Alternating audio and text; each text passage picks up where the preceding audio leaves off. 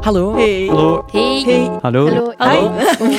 Welkom bij de kleine podcast van de Karel de Grote Hogeschool. Hier hoor je echte verhalen van studenten op KDG. Hallo, ik ben Axel van Digital Climax, een bedrijf in SEO. En daarmee gaan we eigenlijk zorgen dat uw website van boven scoort in Google en andere zoekmachines. Buenos dias. Ik ben Marie van ViewTire. Dat staat voor Future Tire Recycling. En wat ik wil doen is eigenlijk versleten autobanden omzetten naar geluidsisolatie. Hey, ik ben Jonas. Ik ben zaakvoerder van Mello, een onderneming waarmee wij websites gaan ontwerpen en gaan bouwen. Yo, ik ben Thomas. Ik heb One of a Kind Events. Dat is een productioneel eventkantoor. En dan heb ik ook Full On. Dat is meer een Q-bedrijf met een nadruk op events. En wij zijn allemaal oud-studenten van KDG met een eigen zaak. Ze vertellen elkaar en jou graag wat meer over hun leven als student. Zit er klaar voor? Met vandaag het antwoord op de vraag... Wat wil je nog meer bereiken? Of hoe rijk wil je eh, nog worden? Axel? Eh, wat wil ik bereiken? Ehm, ik koppel dat niet aan specifieke bedragen of doen. Ik denk ook niet dat dat uw primaire mindset mag zijn om daar alleen voor te gaan, want dan gaan de, ja, mensen beginnen afzetten in al die zaken. Maar het hoort er wel bij om een factuur te sturen. Maar hoe rijk wil ik worden? Ik heb vandaag nog een LinkedIn-post gezet over dat ik heel hard geniet van de kleine dingen in het leven. En mijn personeel noemt mij soms een simpele mens. Omdat ik ja, heel gelukkig word van een koffieke 's morgens en de zon die opkomt. Maar ja, dat zijn ook maar dingen waar je van kunt genieten als al de rest in orde is. Dus je moet het goed hebben, maar het, het draait daar niet alleen om, zal ik zeggen. Ja, bij mij is het eigenlijk onlangs een beetje veranderd. Ja, uiteraard, iedereen wil zo rijk mogelijk worden, denk ik. Hè. Maar ik denk dat bij mij heb ik een beetje een switch gemaakt tussen ja, rijk willen worden, maar ook gewoon andere prioriteiten kunnen hebben in mijn leven. Momenteel ja, zijn we een beetje aan het, aan het kijken hoe kunnen we onze onderneming lichtjes aanpassen om wat meer in die mindset te passen.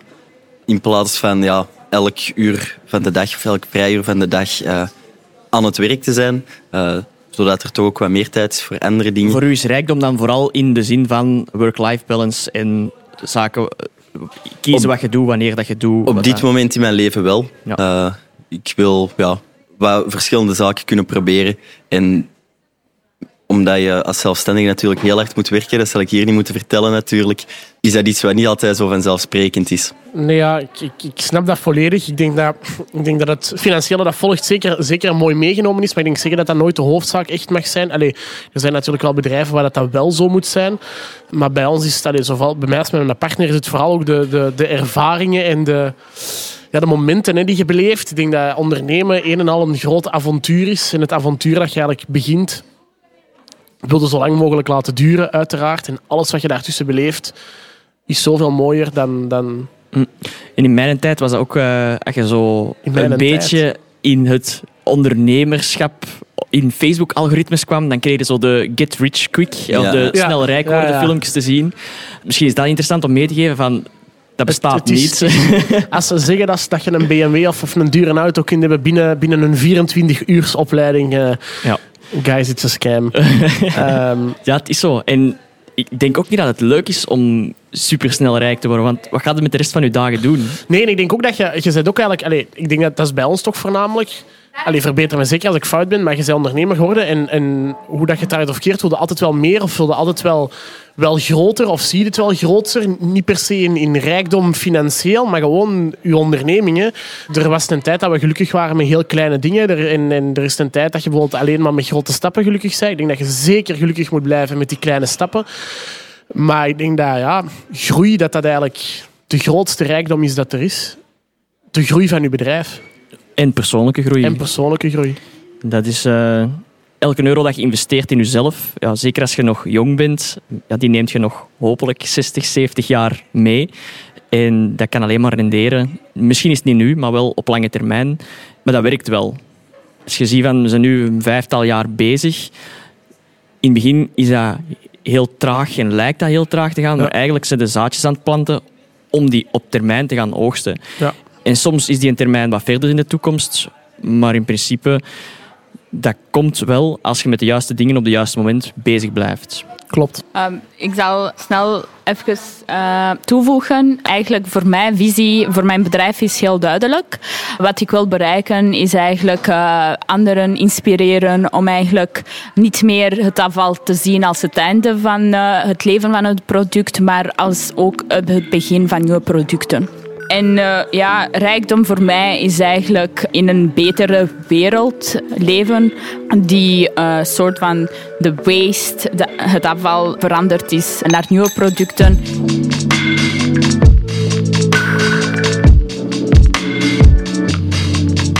Um, kan je ook duurzaam of sociaal ondernemen met een money mindset? Wat denken jullie daarover?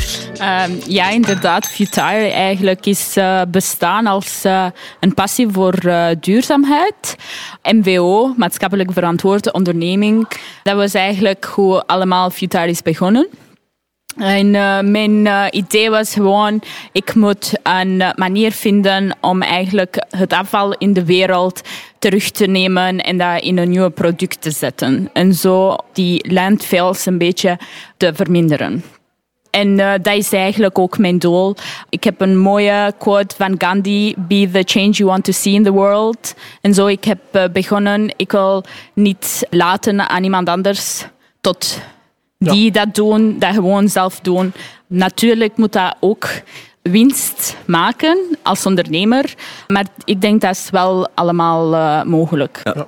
In, in de huidige maatschappij lijkt het mij ook wel een beetje noodzakelijk om toch zeker, allee, waar dat je kan, toch wat aan het duurzame te denken.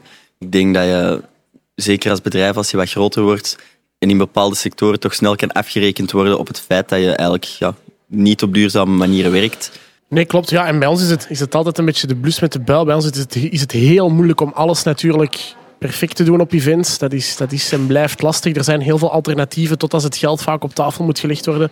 Dat dan ligt bij de bedrijven of bij de gewone customer op festivals. Dan is het altijd wel een, een moeilijke zaak om, um, om heel veel veranderingen heel snel door te voeren. Ja, in, allez, in de sector waar ik in werk, de, niet per se het ontwerpen en het uh, developen van websites, maar dan eerder de hosting. Dat is bijvoorbeeld wel iets wat dat, ja, heel, ja, heel vervuilend is. Zeker omdat er alleen maar meer en meer servers bij komen. Uh, daar zie je toch ook bijvoorbeeld wel een bepaalde tendens van, al wel lang, van ja, een aantal bedrijven die inderdaad een boom planten als je een bepaald pakket neemt, tot, en dat lijken mij dan betere oplossingen, testen met uh, servers onder water en zo. En ik ben ze nog niet tegengekomen, maar vanaf dat er bijvoorbeeld ja, zo'n optie aanwezig is, dan lijkt me dat wel een valabel alternatief voor een vervuilende hosting.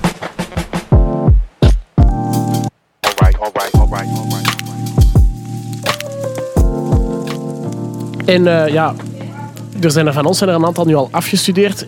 Jij zelf zijn nog bezig. Hoe was dat zo, je eerste keer dat je zo... Ja, we hebben het er straks al over gehad, over zo de eerste keer de betaling, maar zo het eerste keer zo het loon, het, het voelen dat er zo wat winst uitkomt.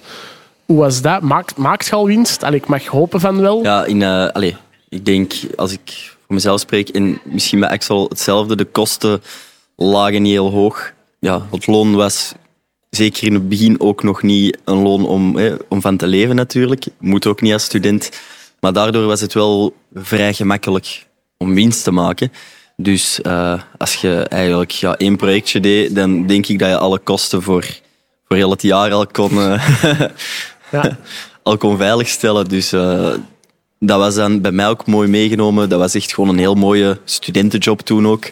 Ja. Qua inkomsten. Wat dat je, ja, waar dat je Allee, ik heb heel veel gewerkt, maar waar, waar dat je zeker evenveel voor uh, op een studentenjob had moeten staan, denk ik. Ja, ja ik maakte al winst omdat wij ja, heel weinig kosten hebben, inderdaad. Maar ik heb al die winst eigenlijk in dat bedrijf laten zitten omdat ik wist, deze is wat ik heel graag doe en deze is wat ik wil blijven doen. En wij eigenlijk allemaal laten zitten en opnieuw geïnvesteerd om verder te kunnen groeien, om verder te kunnen werken. Mm -hmm. Dus dat wil zeggen dat ja, op het einde van die rit stond er wel een mooi spaarcentje op een rekening, waardoor dat je als je zegt, ik start door, ja, dan heb je een beetje reserve. één om een loon, wanneer dat nodig is, uit te betalen. En kun je ook ja, grotere stappen sneller gaan nemen. En bij mij is dat heel concreet geweest. In het begin maakte ik websites en deed ik alles. Online marketing, Google Ads, Facebook, alles wat je kon bedenken. Omdat ik heel veel wou proeven.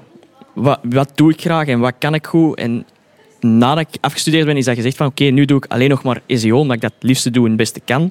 Dat is hoe dat ik het gedaan heb. Maar even goed als je zegt, het is een vervanging voor een studentenjob. Afhankelijk van de business Ja. gaat dat eh, ja, een stuk sneller gaan. eh, en is dat eigenlijk niet zo moeilijk om ja, studentenloontje te vervangen, zal ik zeggen. Ja, ik zit nog momenteel in de investeringsfase, dus ik ben aan het investeren. Alleen als ik eh, begin te verkopen, kan ik eh, eigenlijk winst zien. En als ik dat winst heb, eh, voor mij is de bedoeling dat ik dat terug investeer om verder R&D te doen, voor nieuwe producten te ontwikkelen die eh, uit afval komen. Ja, ik, eh, ik heb hetzelfde beetje als, als u, Axel. We zijn zes maanden voor corona begonnen in de eventsector. Dat was onaangenaam.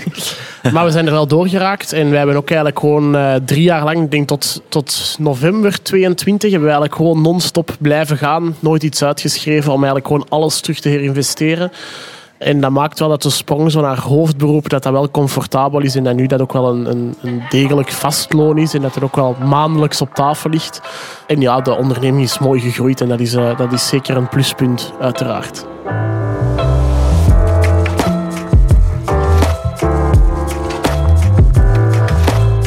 Hoe voelde dat bij jullie aan, zo dat, dat ondernemen, dat proeven van alles? Eh, heel plezant. Dat studentondernemerschap, dat is eigenlijk een, een heel veilige plaats om aan de slag te gaan met dat ondernemerschap. Omdat je heel veel voordelen hebt. Als fulltime zelfstandige zal ik het noemen, heb je elk kwartaal RSZ, eh, sociale bijdrage, al die zaken die betaald moeten worden. Onder de 25.000 euro omzet denk ik dat je ook geen btw dient aan te rekenen. Eh, maar dat maakt je boekhouding één wel een stuk simpeler en maakt ook wel eh, makkelijker. Plus, de kost die je gaat aanrekenen lijkt minder. Ondertussen weet ik Ja. dat dat voor een bedrijf geen kost is, BTW. Maar in het begin dacht ik, oké, wacht, hier moet ik nog eens 21% bij doen. En dat klonk soms wel heel veel geld. En Ja. ondertussen weet ik, ja, BTW krijg je ook wel terug als bedrijf. Ehm, maar toch in die eerste mindset, dat durven cent te vragen voor iets wat je doet, dat is eh, ja, niet altijd gemakkelijk. En dat imposter syndroom, zo noemen ze dat dan, dat zal... eh, ik zie iedereen knikken, dus dat eh, is zeker herkenbaar, denk ik. Eh, voor mij persoonlijk, de voordelen dat ik zie als student-ondernemer is eigenlijk veel kortingen als ik moet gaan naar conferenties of naar evenementen. Dus dat is wel heel handig, eh, want het is allemaal uit mijn zak, dus eh, het is eh, allemaal zo'n beetje eh, niet haalbaar altijd. Maar als studentenonderneming, je krijgt een, een grote korting. Dus dat maakt het wel haalbaar. En dat vind ik wel fantastisch. En als ik niet student zou zijn, misschien kon ik niet alle die events wel bijwonen. Dus dat is veel voordelig. Ja, klopt. En, en wat, wat Axel zegt inderdaad, wat, allee, wat kost het nog om een, om een eenmanszaak of een, of een, of een VOF of een conv te ja. starten? Is, is, is peanuts, allee, bij wijze van spreken, wat dat je, allee, zeker als je iets factureert, dan zeiden er inderdaad, wat dat jij er juist ook al zei, Ja, je eerste factuur al goed uit. Allee, ik denk dat een eenmanszaak 92 euro of zoiets is. Dan heb je je ondernemingsnummer, BTW, kun je eigenlijk ook gratis gaan aanvragen als je maar naar het BTW-kantoor gaat. En ja, als je dan inderdaad bent vrijgesteld van je belastingen en, en, en je hebt geen sociale bijdrage tot, denk 8000 euro nu, het is iets meer geworden, ja, dan kun je eigenlijk toch niet, niet niks misdoen. Allee, tenzij dat je echt zotte kosten begint te doen, maar Wel, het is een beetje een speeltuin eigenlijk hè, voor de ideeën die je hebt. En dan eh, ja. ja, kun je alles eens testen. En je hebt nog niet de grote verantwoordelijkheden, allee, die ik nu ook nog niet heb natuurlijk, maar die dat je binnen 10, 20 jaar waarschijnlijk wel wat meer hebt. Dus het is wel echt het moment om ja, Ja, en ook, met ideeën die je hebt wat te spelen. Hè. Allee, het, is geen, het is geen vrijkaart, uiteraard, denk ik. Maar het is wel al. Het is niet kosteloos, maar het is ook niet zo duur als dat het nu is als je in hoofdberoep. En ook op die zotte kosten. Heel veel mensen hebben een heel graaf idee en denken dat daar gigantisch veel centen voor nodig is. Maar eigenlijk, ik wil graag een restaurant starten, bij wijze van spreken. Ja, oké, dan heb ik een heel chique keuken nodig, een groot fornuis, eh, een zaal, mensen te zetten. Maar begint eens gewoon met mensen bij je thuis te vragen en te zeggen van, kijk, ik kook graag, wil jij eens komen eten? En ik betaal gewoon de ingrediënten en Ja, ja. Je kunt zelfs een stukje winst beginnen maken en doen, maar je kunt elk idee gaan downsizen tot wat is het minimum dat ik nodig heb. Ja, ik denk, dat, ik denk dat daarin vaak gewoon mensen het te direct te groot zien. En, en, en, en dat is, zijn, zijn vaak van die mooie, mooie foto's dat inderdaad een ladder met ofwel heel grote tredes en direct het heel groot willen aanpakken of met kleine stapjes. Ik denk dat daar student-ondernemerschap een hele goeie is. Dat is eigenlijk een hele lage drempel om mee te beginnen. En, en je kunt heel mooi opbouwen en heel kleine stapjes zetten, maar wel op een heel fijne manier. En, en dan kun je wel mooie dingen gaan realiseren. Nu ook, als vanaf dat je hoofdberoep wordt, worden je sociale bijdrage toch ook wel, eh, dat knalt wel de lucht in. Dat is even zweten. Als er zo ineens een rekening van 900 euro je bus inschuift, dat is toch, eh, toch iets anders dan als student. Dan eh, heb ik soms wel heimwee nadat ik niet meer op de KDG zit. Ja.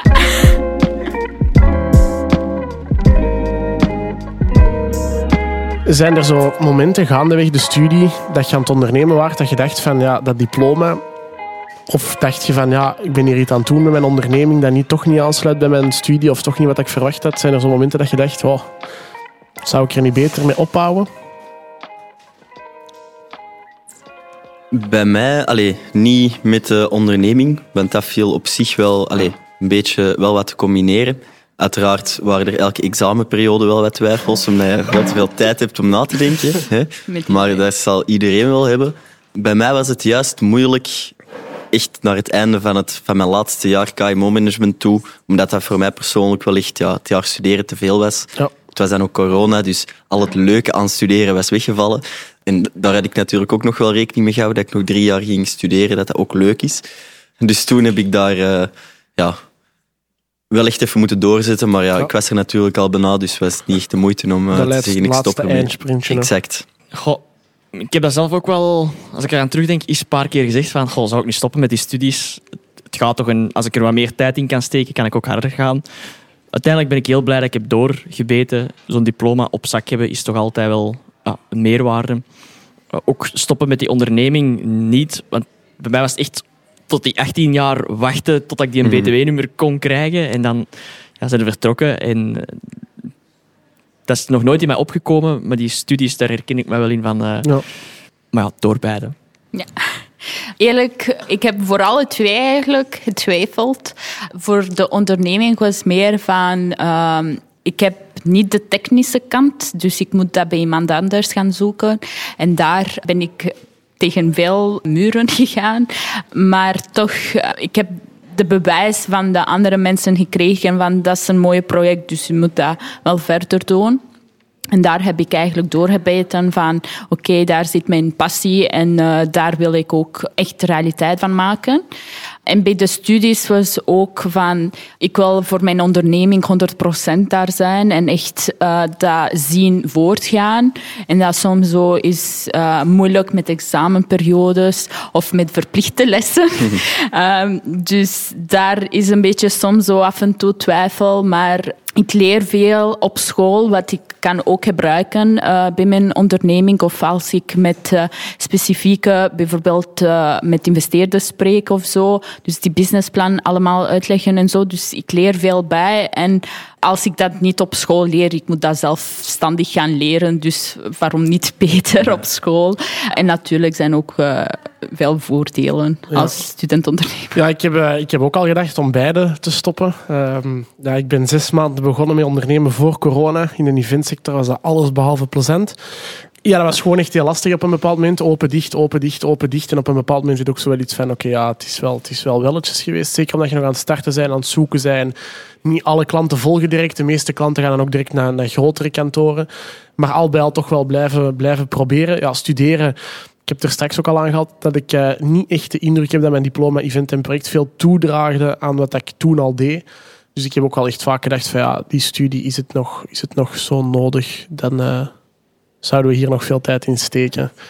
Maar uiteindelijk toch wel eh, afgemaakt als houvast. En daar ben ik heel blij om. Omdat ja, het is toch wel, het is, ja, als je diploma hebt uiteindelijk en, de onderneming zou toch stoppen op een bepaald moment, dan heb je toch nog wel zo dat je toch terug kunt nog naar, eh, naar iets anders. Al is het de eventsector of toch niet de eventsector. Je gaat toch altijd wel ergens binnen geraken, ook met de ervaring die je dan hebt. Ja, u, hebt ook de juiste kennis genomen of, eh, om ook op een bedrijf te gaan werken. Dus, Ja. En u hebt ook ervaring met uw eigen onderneming. Dus dat is extra ehm, voordelig natuurlijk als u een job gaat zoeken of zo. Zeker en vast. Zeker.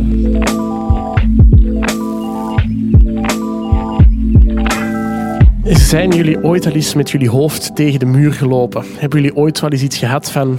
Damn, Nee, ik ben perfect. Eh, nee, nee, natuurlijk wel. Eh, ja, om de zoveel tijd loopt wel eens met je hoofd tegen de muur. In het begin was dat bij onze communicatie naar de klanten toe.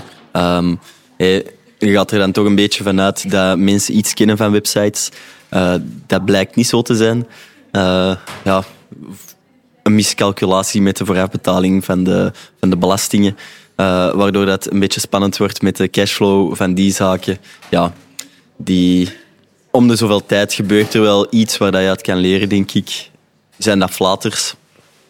Misschien niet echt. Misschien zijn dat ja, eerder leermomenten, denk ik. Eh, voor mij de grootste flater, maar zoals u zei, het is ook een leermoment. Het is als ik eh, bij een eh, investeerder ben gaan presenteren en ehm, ik heb beseft erna dat ik niet echt 100% voorbereid was. Maar dat was ook van, oké, ik ben nog niet klaar om daar te zijn. Misschien moet ik nog verder aan mijn businessplan en financiële plan nog verder werken. En dat echt drillen en ook leren hoe je moet dat bij je investeerders brengen. Dus daar eh, ook meer aan denken. En dat had ik niet in het begin gedaan, maar het is een faalmoment, maar zonder te falen kan je nooit weten wat succes is. Ik was ook aan het denken van, wat is mijn grootste mislukking of wat is mijn grootste flater? Ik vind dat heel moeilijk om aan niet te denken. In de zin van, voor mij is niks een flater als je iets uit geleerd hebt. En dat klinkt heel wollig, maar dat zijn wel van die dingen dat je zegt van, oké, dat gebeurt één keer, maar dat gaat mij Ja. geen tweede keer overkomen. Een, een betaling voor de belastingen vergeten of, of miscalculeren, Ja. Dat zit er nu waarschijnlijk wel Ja, ingeprint. Ja, En ja. Heb ik Je ook kunt- al gehad hoor. Dat is, eh, Je kunt dat een flater noemen of je kunt zeggen, ja, kijk, hoort erbij. En dan kom ik weer terug naar die veilige omgeving. ja. Ja, het kan, hè. Gelijk dat je zei, die speeltuin, ehm, je kunt alles sniffen, dus schuif af. eh. Dat is waar. Meestal ligt er nog wel zand om je zacht op te vangen. hè. Die one-liners hier, manneke. Dat is voor. TikTok.